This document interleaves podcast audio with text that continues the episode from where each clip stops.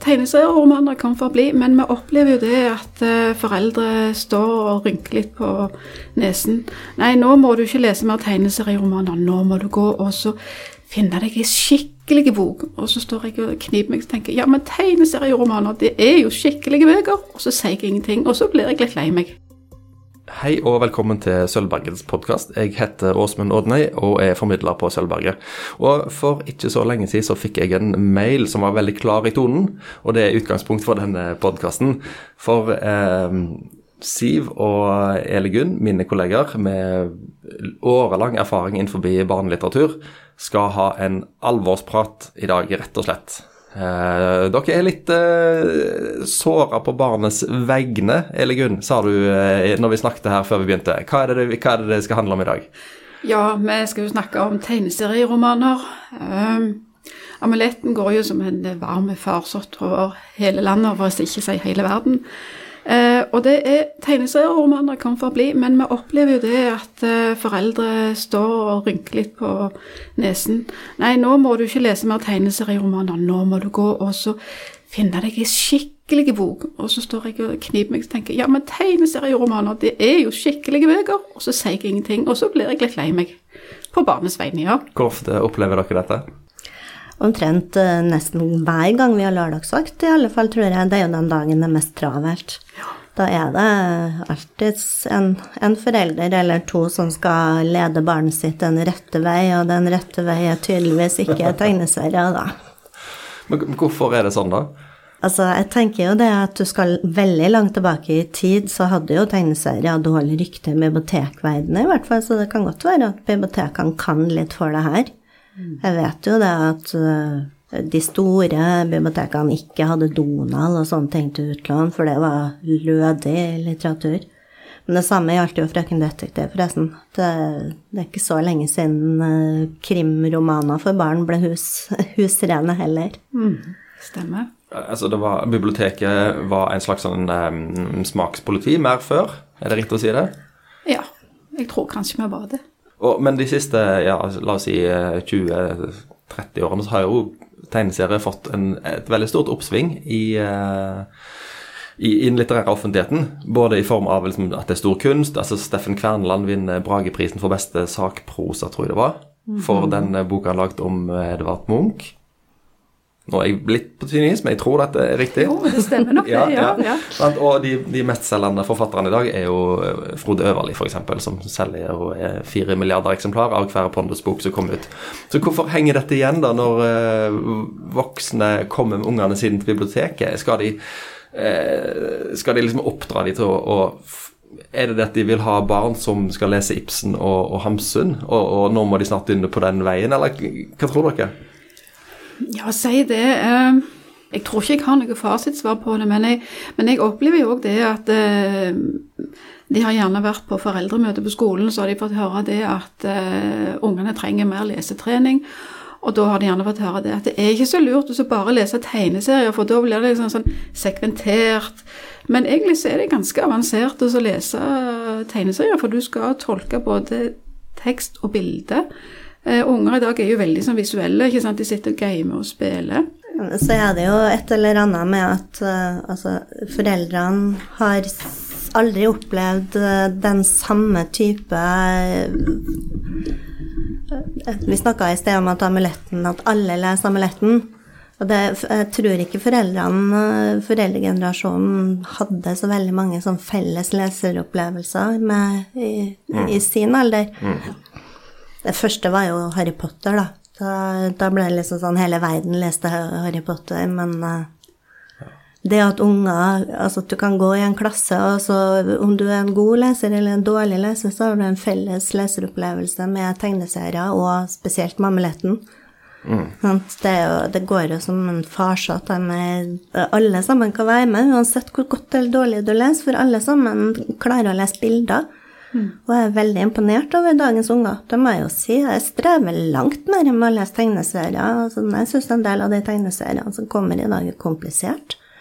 Mm. Men jeg er jo teksttung. Ikke sant? Så jeg, jeg prøver jo liksom å Og jeg har bestandig lest hurtig også. Og jeg kan jo ikke skanne gjennom en tegneserie. På den måten jeg gjør med vanlige bøker, for da går jeg jo glipp av den, som er Gunn den visuelle opplevelsen. Men nå har dere jo masse gode argumenter. Eh, sier dere dette til de foreldrene som kommer med dette utgangspunktet? Jeg gjør ikke det, for jeg føler jeg skal være, være, ha, vise respekt både for de voksne, og jeg har jo lært at du skal aldri gå i diskusjon med noen, men, eh, men jeg står jo og tenker meg stille sinn. Jeg har veldig lyst til å si men, men la nå ditt barn få lov å lese disse tegneseriene. Noen av de trenger gjerne det, fordi at de er ikke så flinke lesere. Og hvis de plutselig blir en racer på å lese tegneserier, og har lest alt som vi har, så er da skrittet videre Da prøver vi ei bok med litt mer tekst og litt mindre bilder. Så det er et springbrett. Tegneserier er også et springbrett for veldig dårlige lesere, rett og slett. Så de, er, de er, har absolutt sin misjon. Bare veldig fort for de eh, ytterst få som ikke har fått med seg dette fenomenet amuletten. Hva er det, og hvorfor har det blitt så stort? Ja, det er altså en øh, øh, Det er en historie som nesten er en slags føljetong, altså, for du følger en heltinne gjennom syv-åtte bøker. Og hun utvikler seg gjennom, øh, gjennom bøkene, og det handler om kampen mellom det gode og det onde. Hun er en heltinne. Uh, hun møter motstand og overvinner det, og det er spennende, for du vet aldri hvem som er venn og hvem som er fiende i bøkene. Og Ungene sier at det er løye. Ja. Det syns vi er litt rart, for så Egentlig så syns vi det er ganske alvorlig, så vi, vi er ikke helt sikre på hva de mener når de, men, når de sier løye. Eller morsomt, da, som artig, som jeg ville ha sagt. Ja. Ja, for jeg tror det bare er et sånn samleuttrykk for at de liker det, når de sier at det er løye. Ja. Nettopp.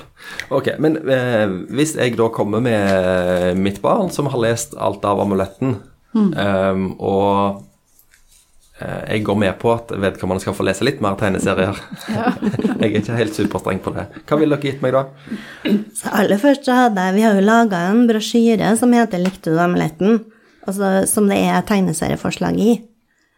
Så det hadde jo villet gitt den aller først, og så spurt om de har lest den. Og nå er det en liten tid siden vi oppdaterte den, så vi har jo fått flere gode tegneserier siden da.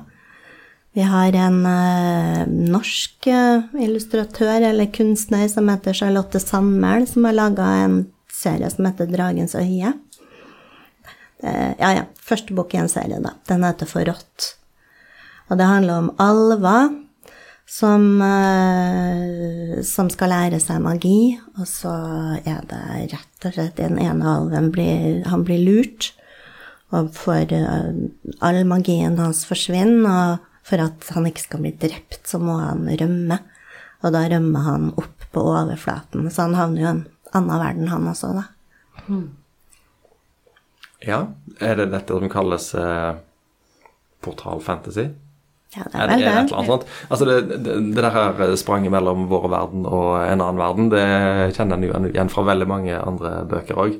Men er amuletten, er det en sånn, eller det foregår alt der i dette parallelle universet? Jeg føler vel Altså, det begynner i vår virkelige verden, men så foregår mesteparten i det parallelle universet, ja. Ja. Hun, hun, hun leser det av og til, så husker hun tilbake til, til sin verden, da, men eh, da er det så fint tegna at da ser du det med en gang at nå, er jeg, nå husker jeg en ting. Nå, eh, nå er det et tilbakeblikk, sånn at du ser hva hun har opplevd tidligere. Eller, ja, det er jo mest hun jenta som hovedperson. ja. Okay. Ja. Det var Dragens øye. Uh, flere bøker som en egner seg for uh, amuletten-segmentet. Jeg tror kanskje at jeg ville foreslått håndbok for superhelter, men det er òg en bokserie som veldig mange barn kjenner til. Eh, og Den òg går som varmt hvetebrød. og det, Kort fortalt så handler det jo om ei jente som heter Lisa, som blir så forferdelig mobba. Og en dag når hun går hjem fra skolen, så springer vi inn på biblioteket. Og der finner hun i nederste hylle ei rød bok. Og så skal hun komme og låne med seg hjem, og det er ikke strekkode på. Og bibliotekaren sier ja, det var nok meningen at du skulle finne den boka og ta den med deg hjem. Og det er rett og slett en bok der du leser hvordan du skal bli en superhelt. Du skal gjøre en del øvelser og sånn. Og dermed så blir hun superhelt, og hun redder byen for masse farer. Og i hver bok da, så er det en sånn en personutvikling, akkurat sånn som i amuletten. Eh, Folk eh, endrer seg, de vokser på oppgavene, og sånn er det med Lise òg. Håndbok for superhelter det er en serie som ikke er avslutta. Og ungene lurer fælt på når kommer neste bok. I amuletten så venter alle på bok nummer ni, og da får vi eh, spørsmål om minst én gang til dagen. Og det siste jeg leste, det er at den kommer i 1. juni 2022. For forfatteren har fått eh, litt skrivesperre. Han syns ikke at slutten eh, blir bra nok, så han sitter liksom og trekker alle trådene. For det er jo amuletten er det veldig mange løse tråder som skal fases sammen på en fin måte. Ja, for han har sagt at nummer ni blir den siste? Han har sagt det, men kanskje han finner ut han må skrive flere. Jeg vet ikke. Ja, ja, det er ja, Folk som lover at de skal avslutte et eller annet, må du aldri høre på. Nei. Det, Verden må jo reddes på et eller annet vis, da. Det er jo Ja.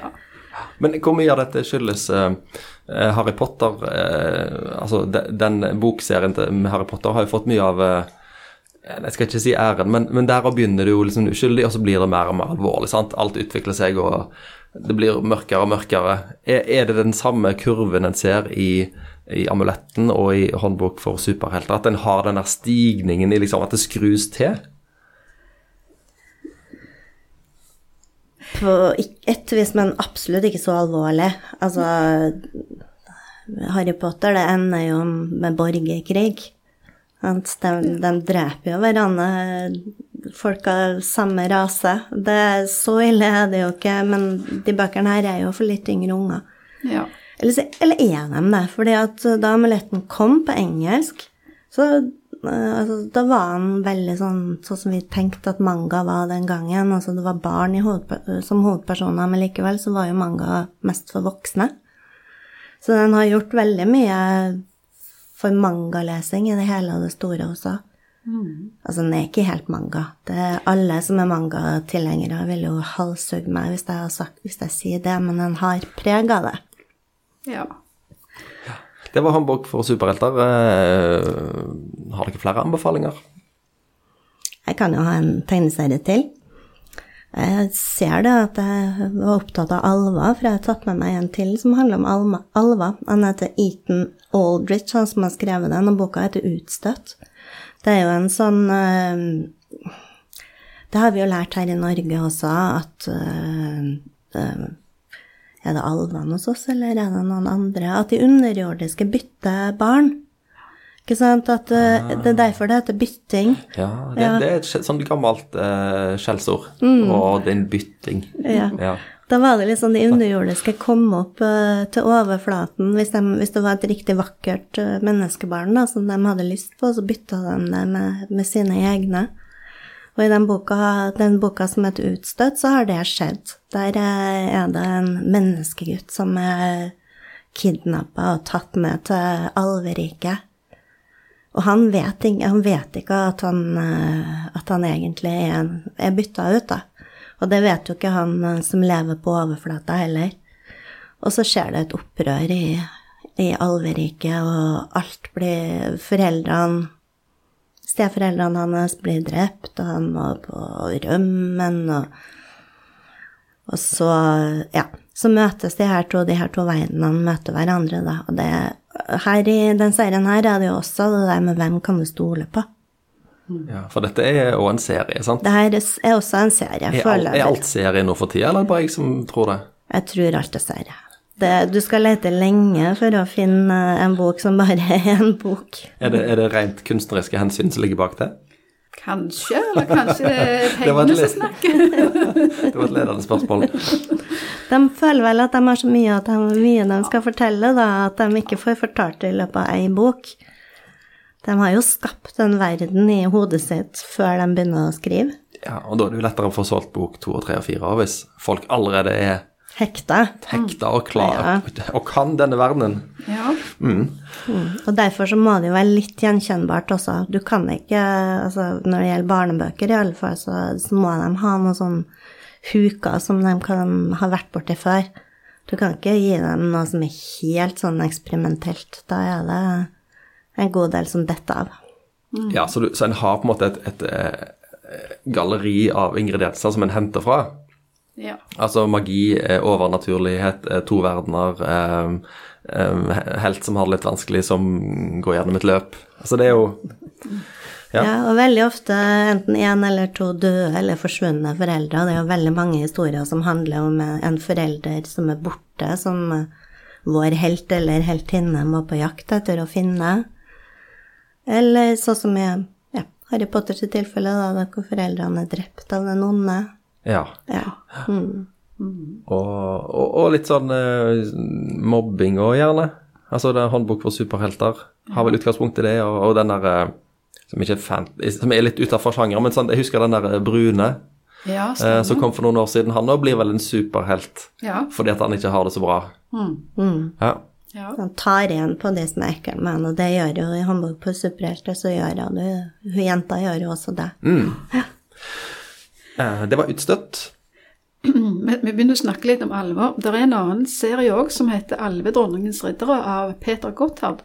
Og Det er vel en serie på syv-åtte bøker. I den første boka så blir vi, blir vi kjent med et persongalleri. Det er alvedronningen som sitter på sin trone. Hun har masse riddere ute i kongsgården, og en dag så får hun besøk av en undersått, ei jente som heter Nellik. Eh, I den landsbyen bor, så er det en drage, og den holder på å utslette hele landsbyen. Hun trenger hjelp. Og så er det en liten svak ridder som sier 'jeg kan hjelpe deg', jeg. Og det er ridder Hassel. Eh, Det er litt humor, litt spenning og action. Og eh, disse bøkene her syns jeg absolutt er fint alternativ når dere har lest alle tegneserieromaner og skal over til såkalte skikkelige hardcover-bøker, for å si det sånn. Den er veldig spennende. Det var interessant. Det magiske skjoldet, Ja. det er en fin sånn eh, overgangsbok, kan jeg kalle det. Mhm. Men ut fra måten du fortalte om boka på nå, er det ei bok som liksom tuller litt med denne sjangeren? Jeg trodde ikke det var så mye humor i dette magiske eh, universet som disse bøkene foregår i. Det pleier ikke å være så mye humor, nei, men der, er- akkurat i den så er det et lite snev av humor. Uh, der er litt sånn den uh, Jo, nei, der er noe sånn godslig over det. Uh, jeg opplever iallfall det som voksen. Jeg er ikke sikker på om, voks, om ungene ser det, om de ser bare den spenningen. Men det er liksom den han, han der stakkarslige ridderen som sier 'jeg skal hjelpe deg, jeg må den store dragen'.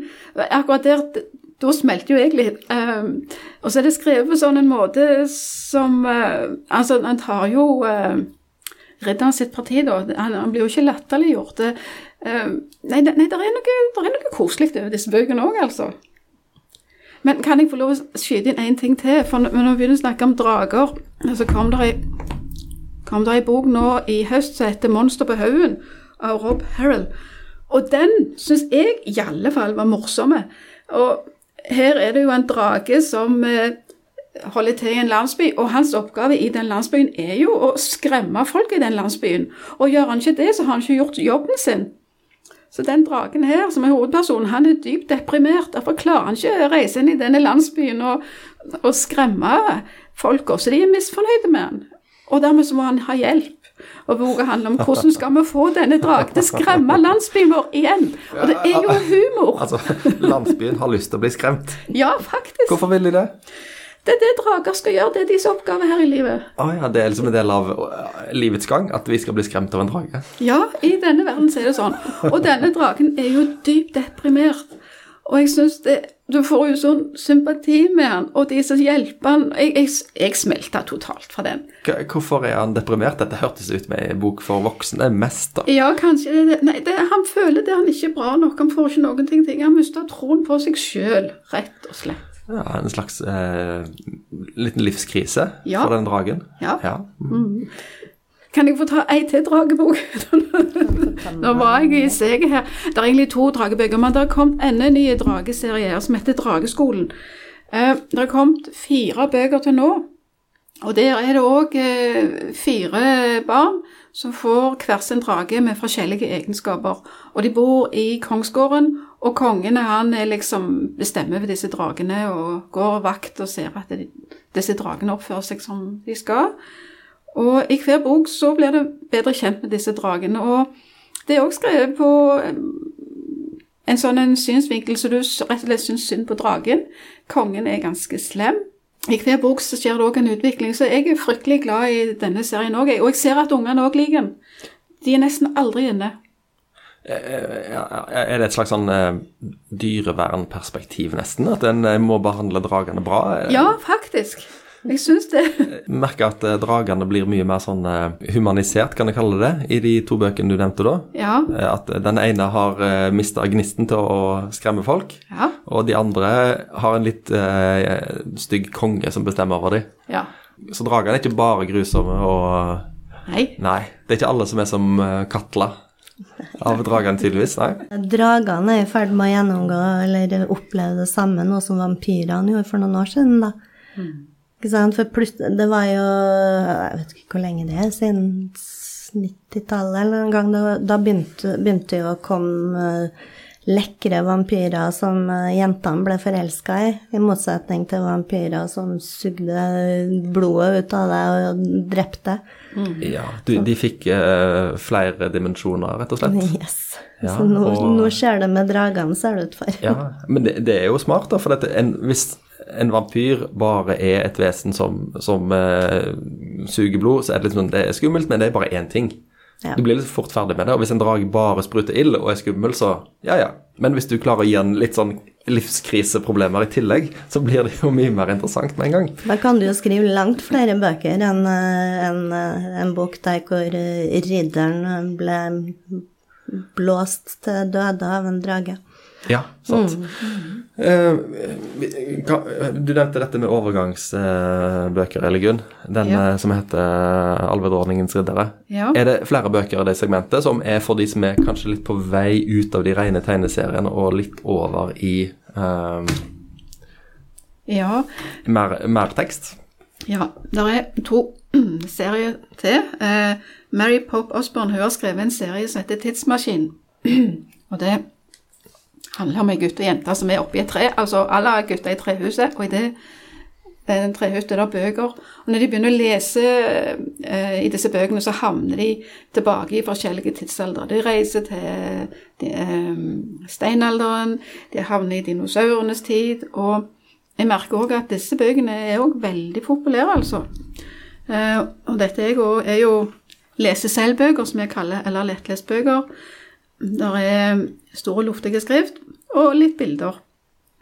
Um, en annen serie som jeg òg vet at de liker veldig, og det er jo den her Edvard Rubicons mysterier av Alexander Kirkwood Brown og Anders, Andreas Iversen. Um, der er det jo òg sånn som i amuletten at du begynner i en virkelig verden, og så plutselig så, sops, så forsvinner du inn i en parallell verden, da. Ehm, og i disse er det mer sånn spøkelser og litt mer grøss og gru kanskje i denne, i disse bøkene her. Ok, så hvis vi tenker at denne sendingen her er en slags sånn eh, serie, så har vi begynt med eh, det lette, og så skal vi over på det som har atskillig mer tekst. eh, Siv. Du har med deg noen eh, bøker, fantasybøker i den sjangeren for eh, de som takler mer tekst enn bare i en tegneserie. Yeah. Hva har du med deg? Det jeg har tatt med her, det handler om å reise mellom to verdener, rett og slett. Alle sammen.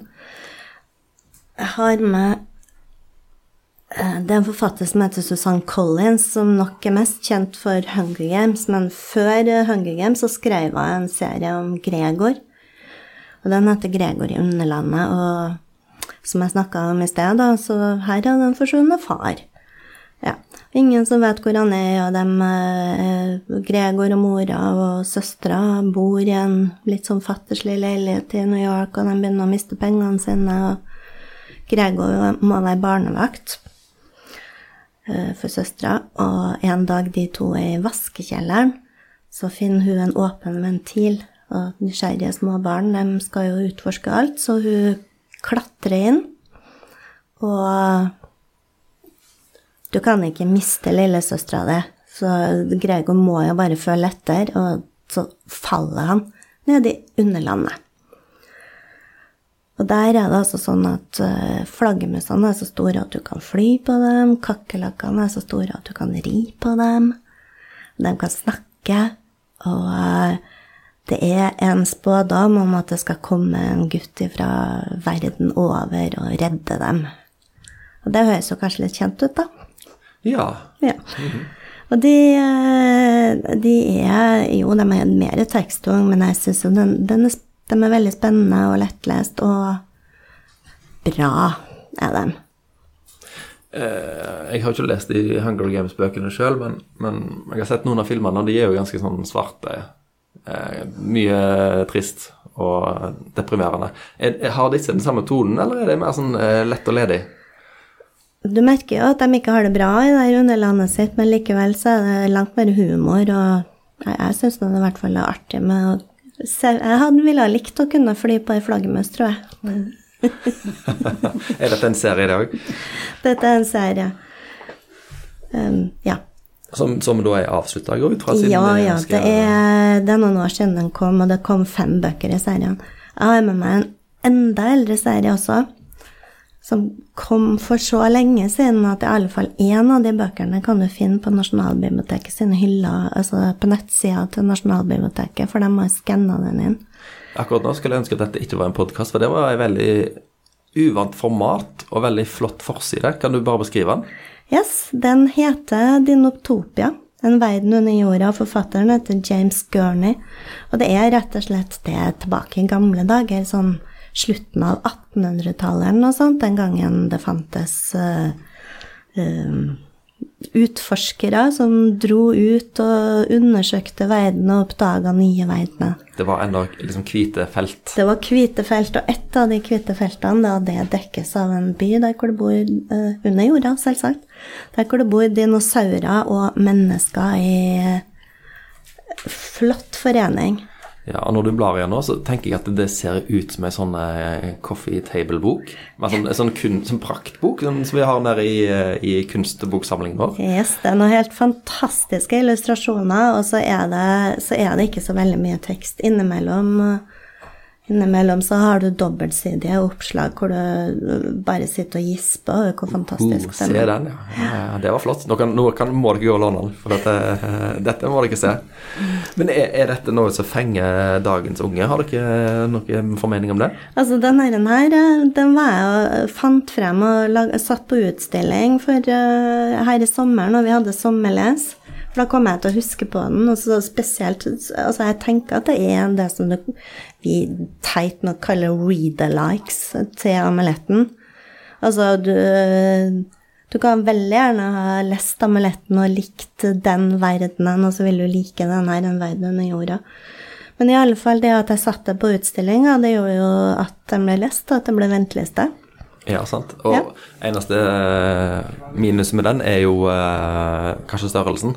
Altså, ikke, Du tar ikke den med deg i, i feriesekken like lett som uh, amuletten? Nei, du må nok kanskje sitte ved et bord, for, det, for, den er så stor. Hvis du sitter og leser den med et bord, så vil garantert hele familien komme bak skuldrene dine og se det var, no, det var virkelig noe annet. Og gispe over illustrasjonene. Ja, mm -hmm. helt klart.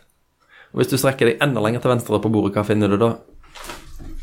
Da finner jeg tunneler. Uh, uh, Rod Gordon og Brian Williams som har skrevet det, og det, den, også, den serie som er skrevet ferdig, da. Eh, den er fra London, og det handler om Will, som bor i, sammen med familien sin. Han har en far som av en eller annen grunn er veldig glad i å grave tunneler. Og en gang under en sånn tunnelgraving så forsvinner faren. Har dere hørt det før? ja. Og vil han eh, Altså, han må jo prøve å finne han igjen, da. Så han uh, tar med, tar med seg bestevennen sin, og de begir seg ned i de der tunnelene. Og under London så er det jo faktisk en god del tunneler, da, så jeg antar jo at det er de her uh, nedlagte T-banetunnelene og sånt som har inspirert forfatteren. Ja, det, det, jeg syns det er veldig gøy å tenke på at under alle moderne storbyer så er det eh, enormt mange kilometer med tunneler, både aktive og forlatte. Altså mm. Hele Paris og Roma er jo bare en ost. Ja, det det. Og, og Napoli sant, er jo bare eh, ganger på ganger ja. under. Bare, bare, men alle Jeg kom til å tenke på når du viste den, at alle gutter på min alder altså Vi som var små på 80-tallet, har jo hatt en drøm over å grave tunneler. sant? Vi skulle grave oss hit og dit. Men vi ga opp etter sånn 40 cm. Så denne faren, og hvordan han klarte å grave alle disse tunnelene Har han tilgang til utstyr? Han har nok tilgang til utstyr, ja. ja. Men uh, Jeg skulle gjerne hatt det som hobby å grave tunneler, men jeg har ikke jeg har verken område eller utstyr til å få det til. Nei, men i alle fall så forsvinner han ned i en, sånn, ned i en tunnel og vil, og kompisen hans uh, bestemmer seg for å utforske og se om de finner han tilbake, og da oppdager de Hold dere fast. En verden under jorda.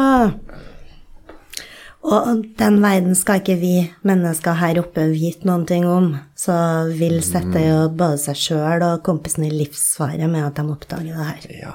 Mm. Den uh, boka her er helt ny. Den uh, fikk vi for uh, bare noen måneder siden. Den heter 'Fremmedsteds reisebyrå'. Han som har skrevet han eller hun, heter Lapinski til etternavn. Og det er jo altså ei jente som virkelig drømme om alt det spennende som kan finnes her ute i, ute i verden. Hun har foreldre som er kjempeopptatt med jobben sin. Hun har en lillebror hun må passe hele tida. Og en dag når hun er ute, da, så oppdaga et uh, helt sånn nedstøva lokale hvor det står 'Fremmedsteds reisebyrå'. Og så åpner døra og går inn. Ingen som er der, men det er massevis av kofferter. Og plutselig, så ut ifra ingenting, så kommer det en mann dumpende ned på gulvet.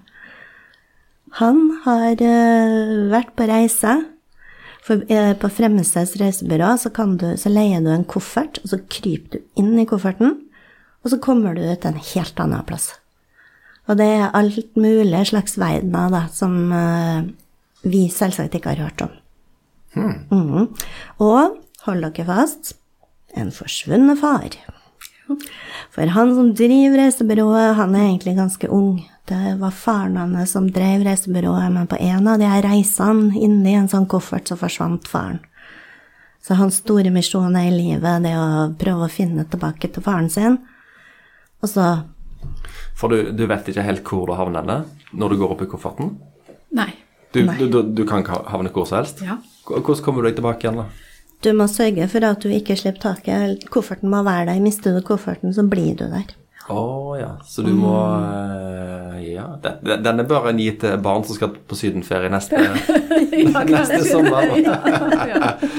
Nå blir du værende i Hellas, lille venn, for du mister kofferten. Tviholder på kofferten. Jeg, bare ser på forsida på den boka der at den har veldig sånn sprettende, koselige farger. Betyr det at den er ganske trivelig, selv om det er en forsvunnet far her òg? Den er Ja, den er, den er veldig morsom. Det syns jeg. Altså, og så ligger den der litt såre undertonen, da, selvsagt, under. Altså, hun har det jo ikke Hun har det jo faktisk ikke så forferdelig greit hjemme. De, hun blir jo oversett fordi at de har det så travelt, og han godeste Ja. Uh, og det fins noe, noe sjørøl, det fins noen røvere inni der, og det fins uh, Verden kan forsvinne.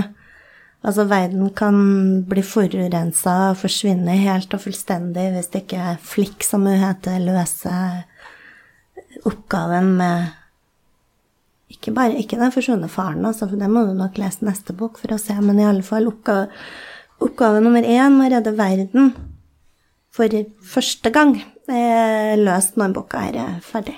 Mm. Ja, det var en stor oppgave for ei eh, lita jente, ville jeg sagt. Ja, ja. Men det er jo det som er så flott vet du, med, med, bøker. Du kan jo gjøre det, du kan drømme deg bort i både andre verdener og, og det at du har en helt. Eh, du har ei bok til, og den var veldig blå. Annette Schaap heter forfatteren. Hun er nederlandsk, og boka heter 'Lampe'. Et sjøsalt eventyr. Og det er altså Lampe og faren hennes som, som bor ved en fyrvokterbolig, og det er Lampe sin oppgave at hun skal holde, holde lyset på fyrvokterboligen i gang. For faren hennes har ødelagt foten sin, så han kan egentlig ikke gå opp alle de trappene. Men hun er litt klossete, og hun holder på med massevis av ting, og hun glemmer tida. Så Alle kan bli litt rare av å bo på et fyr, tror jeg. Alle kan bli litt rare av å bo på et fyr. Så hun faktisk Hun glemmer å tenne, å tenne lampa, og det er et skip som går på grunn. Uh. Og den, altså, Jeg vet jo ikke hvor mye jeg kan røpe, da, for det er jo en helt forferdelig straff faren hennes får. Ja, det, hvor, hvor, må en være øh, stor for å tåle å lese om den straffen? Jeg vet ikke om unger forstår hvor grusomt det egentlig er. Nei, Nei. muligens ikke. De bare godtar det. De bare godtar det. Men han, pappaen han blir i alle fall han blir stengt inne i fyret og får ikke lov å komme ut før Lampe har jobba så mye at hun har tjent opp de pengene som skulle til for å betale ut det skipet som ble ødelagt. Ja, En slags evig overtid-jobbing, eller? Jeg syns det er noe sånn Dickens-aktig eh, over handlingen der. Det er det, altså. Ja, så hun blir sendt, sendt for å jobbe hos eh, et hus som det går rykter om i hele landsbyen, da. Alle sammen tror at det spøker der. Ja, for det var det jeg skulle spørre om. Er det noen fantastiske element her? Oh yes, Ja. det er det, vet du. Men er det sånn at det er realistisk helt til det skipet går på grunn, og så skjer det et eller annet? Ja. Enda litt til. Enda litt. Forbi skipet også. Når hun kommer til det huset, da øh, kommer det fantastiske. Og den ser jo, i likhet med den forrige du viste, ser en ganske sånn uh, uskyldig og tilforlatelig ut. Men uh, er, det, er det sterk kost? For noen så kan det være det, altså. Men samtidig så tror jeg òg de blir litt fascinerte, for det er- ligner gjerne litt på jeg har jo lest, Vi voksne har gjerne lest lignende før, men jeg tror ikke, kanskje, klarer ikke å finne så veldig mange paralleller eh, på stående fot eller barnebøker. Du, eh, du blir litt overraska over vendingen i historien. Så tenker du å ja, jeg har ikke lest mye om dette før. Er du enig, Siv? Ja. En, eh, har sikkert ingenting med saken å gjøre, men jeg kom til å tenke på den Ishavspirater, når dere snakket om denne. Ja. Som jo òg er eh, mar maritimt miljø, og så skjer det ja. Det har, med, det har nok kanskje litt med tonen i boka å gjøre også. Ja. At den, de er litt like i tone. ja. Stemmer. Mm. Er dette en serie? Jeg må bare spørre, selv om svaret sikkert er ja. Vi vet ikke. Nei, du kan lese den her og så være såre fornøyd med at det har løst seg på et eller annet vis, men så vil du forferdelig gjerne vite hvordan det går videre med lampe. Ja vel. Eh, Siv og Elgunn, da har vi fått eh, mange gode tips til eh, de som har lest Amuletten, og ikke minst til eh, de som eh, vil lese bøker med kanskje litt mindre tegneserier og litt mer tekst. Men viktigst av alt, foreldre, slutt å rakke ned på tegneserier for barn. For det er litteratur like god som noen annen. Ja. Nemlig.